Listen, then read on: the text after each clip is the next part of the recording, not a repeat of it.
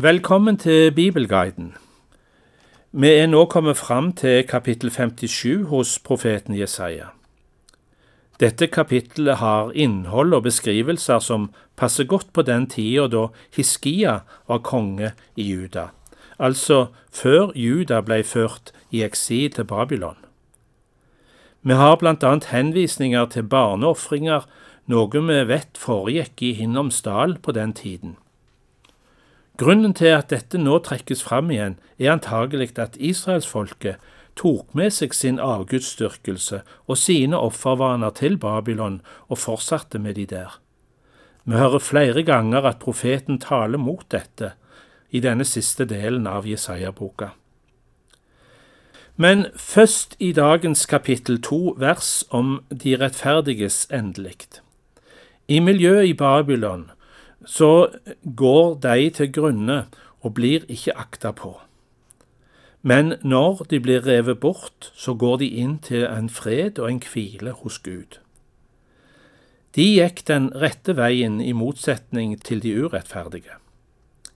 Da hører vi Jesaja kapittel 57 vers 1 og 2. Den rettferdige går til grunne, og ingen bryr seg om det. De trofaste blir revet bort, uten at noen merker det. Av ondskap er den rettferdige revet bort. Han går inn med fred. De hviler der de ligger. Han gikk den rette veien. Så i det kommende avsnittet går Gud i rette med avgudsdyrkelsen i all sin avskyelighet. Før har vi hørt Herrens kjærlige innbydelse til sitt folk. Kom til meg. Her er det en kort befaling som lyder. Kom hit. Nå er det på tide at dere får høre sannheten. Så blir folkets avgudsdyrkelse beskrevet som hor og prostitusjon. De søker sin tilfredsstillelse i avgudstempel og ved alteret i skog og på hauger. Hovedguden blir kalt Melek. Vi hører versene tre til ni. Men kom hit, dere sønner av min kvinne som tyder tegn, avkom av en ekteskapsbryter og en hore. Hvem har dere moro med? Hvem geiper dere til og rekker tunge mot? Sannelig, dere er syndens barn, løgnens avkom. Dere brenner av lyst mellom eiketrærne, under hvert frodig tre. Dere slakter barn i elveleiene nede i fjellkløftene. De glatte steinene i elveleiet er din del, de er din lodd. For dem øser du ut drikkoffer og ofrer grødeoffer. Skulle jeg finne meg i det? På et høyt og stort fjell gjorde du i stand et leie. Dit gikk du opp for å ofre slakteoffer. Bak dør og dørkarm satte du ditt merke. Du gikk bort fra meg, du kledde av deg, du la deg ned og gjorde plass. Du gjorde avtale med dem som du elsker å ligge med, du så dem nakne. Du dro til Melek med olje og hadde mye salve med deg. Du sendte budbærere langt av sted, lot dem gå ned i dødsriket. Folket legger inn store krefter for å utføre sin avgudsdyrkelse.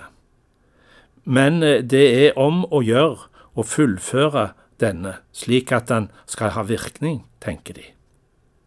De tar av sine siste krefter på en fånyttes styrkelse. Gud har de glemt, men igjen så forkynner han sin frelse og forteller hvordan det går med den lille trofaste rest. De som tar sin tilflukt til meg, skal arve landet. Vi leser versene 10-13 i Jesaja 57. Du ble sliten av den lange veien, men du sa ikke det er forgjeves. Hendene dine søkte nye krefter, derfor ble du ikke syk. Hvem er det du frykter og er redd for siden du lever i løgn. Meg husker du ikke og bryr deg ikke om. Nei, jeg var taus i lange tider, som meg var du ikke redd. Jeg vil fortelle om din rettferd og om dine gjerninger, de kan ikke hjelpe deg. Samlingen din av guder får berge deg når du roper. Vind løfter dem alle sammen, et vindpust tar dem med seg. Men de som tar sin tilflukt til meg, skal arve landet og ta mitt hellige fjell i eie. Så i vers 14 taler Gud direkte om frelse og utfrielse. Det skal ryddes en vei for folket. Det sier han som i motsetning til avgudene som har hørt om, er høy og opphøyd og trone evig.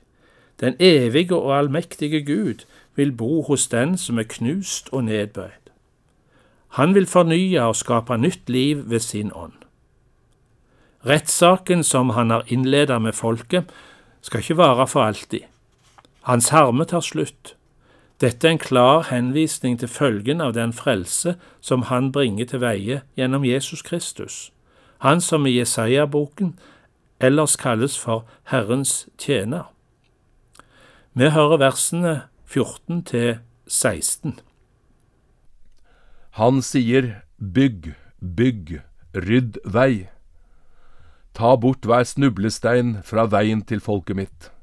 Så sier Han som er høy og opphøyd, Han som troner evig, den hellige er Hans navn.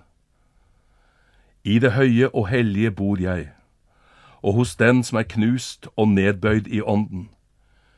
Jeg vil gi ånden liv hos dem som er bøyd ned, gi hjertet liv hos dem som er knust.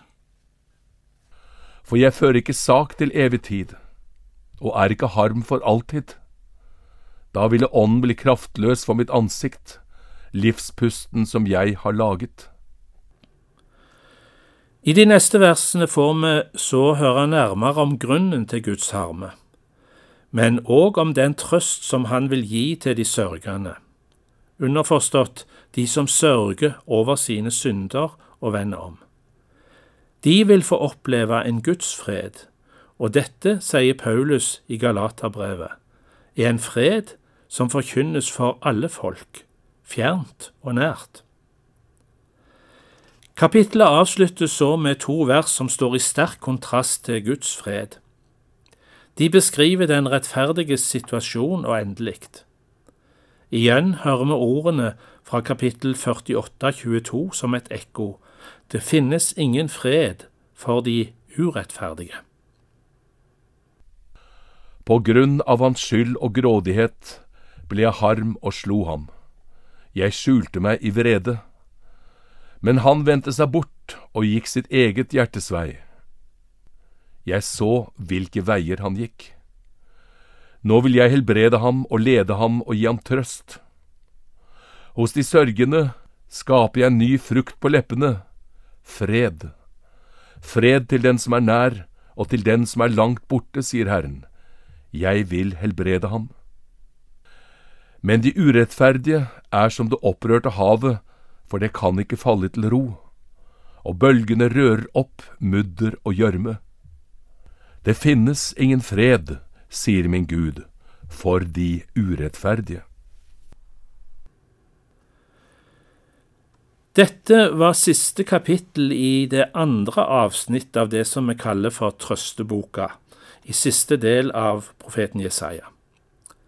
I neste utgave av Bibelguiden starter vi på siste hovedavsnitt, kapittel 58 til 66, som taler om den frelste menighets herlighet og de urettferdiges dom. Velkommen tilbake.